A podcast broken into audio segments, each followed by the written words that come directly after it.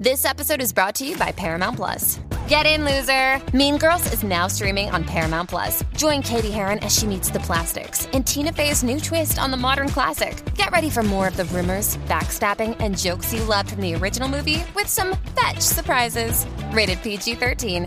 Wear pink and head to ParamountPlus.com to try it free.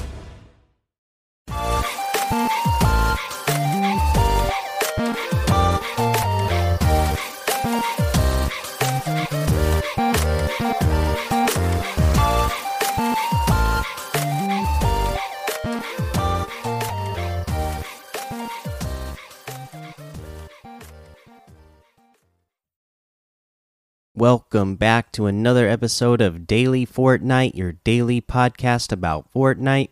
I'm your host, Mikey, aka Mike Daddy, aka Magnificent Mikey. Let's go ahead and take a look at the LTMs today.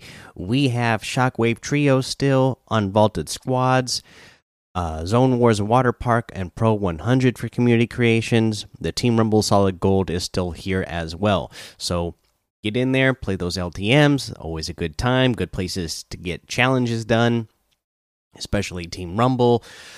Uh, let's see here. Uh, let's go ahead and do a little bit of news. Not a whole lot going on uh, today, but uh, I will mention the uh, the best Fortnite creative map codes for the week of February 16th, 2021 blog post that they do uh, every week. The creative blog post uh, is out, so go check it out because uh, it will give you some really fun uh, creative maps to play. So go check it out, uh, the popular maps from uh, this past week. let's see here. Let's go ahead and do a uh, challenge tip, I suppose. Uh, let's see here. What is the challenge that we are up to now? Uh, we need to uh, throw a fish back into the water, and uh, you know, super simple, right? I mean, just go fit, just go fish anywhere, and then have the fish in your inventory, and uh, throw the fish back into the water. I guess a super simple uh, challenges uh, at the at the end here. Uh, but uh, you know, now that I'm talking about that, I am forgetting a piece of news that we definitely got to talk about uh, because there was a a patch today uh, that is actually uh, you know uh, changes the game quite a bit. So uh, a, a, new hot fix is live. The Flint Knock heads back to the vault, but something handy took its place this week. New LTM later this week. Comeback squads. Every life your loot gets better, but you have limited respawns. So that sounds like that'll be a uh, fun LTM. But yes, big news there. The Flint Knock has been uh, vaulted. You know, it just got unvaulted. Now it's vaulted already, and now what we have is they said here handy because it's the hand cannon, aka the Deagle, aka the Desert Eagle it is back. And uh, you know when i first heard the news that it was the flint knock was uh, taken out of the game i was bummed. I was like oh man i really love the flint knock. Uh, why'd they take it out already? But then when i heard they brought the hand cannon back i was like oh okay let's do it. I, i'm happy about that. I like the hand cannon a lot. And uh, yeah, I, am excited to have the hand cannon back. Uh, we'll talk about some tips for the hand cannon uh, when we get to that section. But for now, let's head on over to today's item shop and see what's in the item shop today. Uh, let's see here. We have, uh, let's start out at the bottom. So we still have the Flash bundle, the Street Fighter bundle, uh, the Sika bundle that came out yesterday, the Cloak Shadow outfit with the Shadow Wings back bling for 1,500. The Chill Count outfit for 800. The Icebreaker harvesting tool for 500. The Rock Out emote for 800.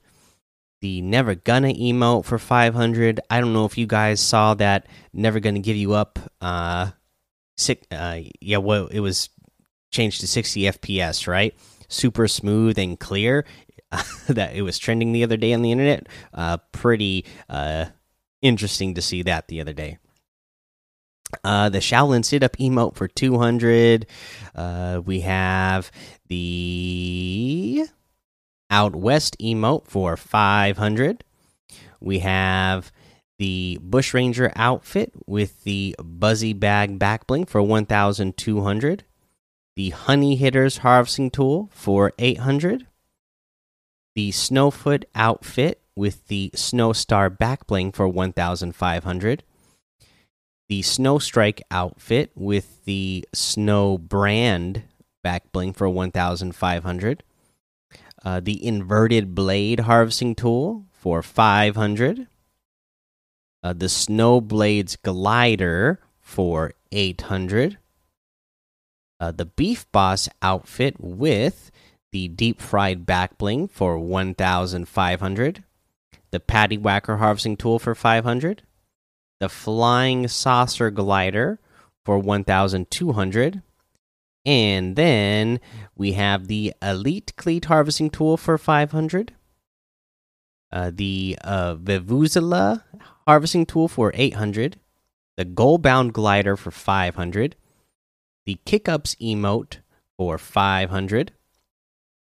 The uh, Red Card Emote for 200 and then we have all of the Goalbound set outfits uh, back in the item shop as well. They're 1,200 each. All the character models are here, so that it's another chance for you to go get these uh, soccer skins. Again, I when these were first released, uh, you know, people didn't get them the who didn't get them the first time. People were begging and begging for the longest time for them to come back and they've been back a few times now but every time these are back in the item shop they're always a hot item. So if you haven't gotten one yet uh, this is your chance to get it now uh, but that's everything in the item shop today, so you can get any and all of these items using code MikeDaddy, M M M I K E D A D D Y, in the item shop, and some of the proceeds will go to help support the show. Now, like I said, we got the hand cannon back in the game, so we're going to give you some tips for the hand cannon.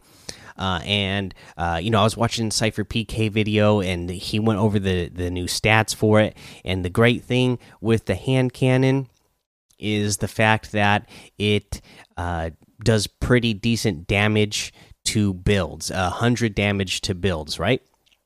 So it's definitely going to take out wood walls uh, really fast. It'll only take two shots to take out uh, a fully built wood wall, but also when uh, walls are just placed, it'll take them out uh, right away as well, so that your opponents are wasting mats. But that's also good for third partying when you see uh, you know, you sometimes you see these uh, uh, extreme builders in the game, and these people will get in build battles and they'll build way high up, and you can just take that hand cannon even from a distance. You know, if you're not close enough to just break them down with your harvesting tool, you, even from a distance, boom, you're you're safe. You're far off. You can take that build down with your hand cannon.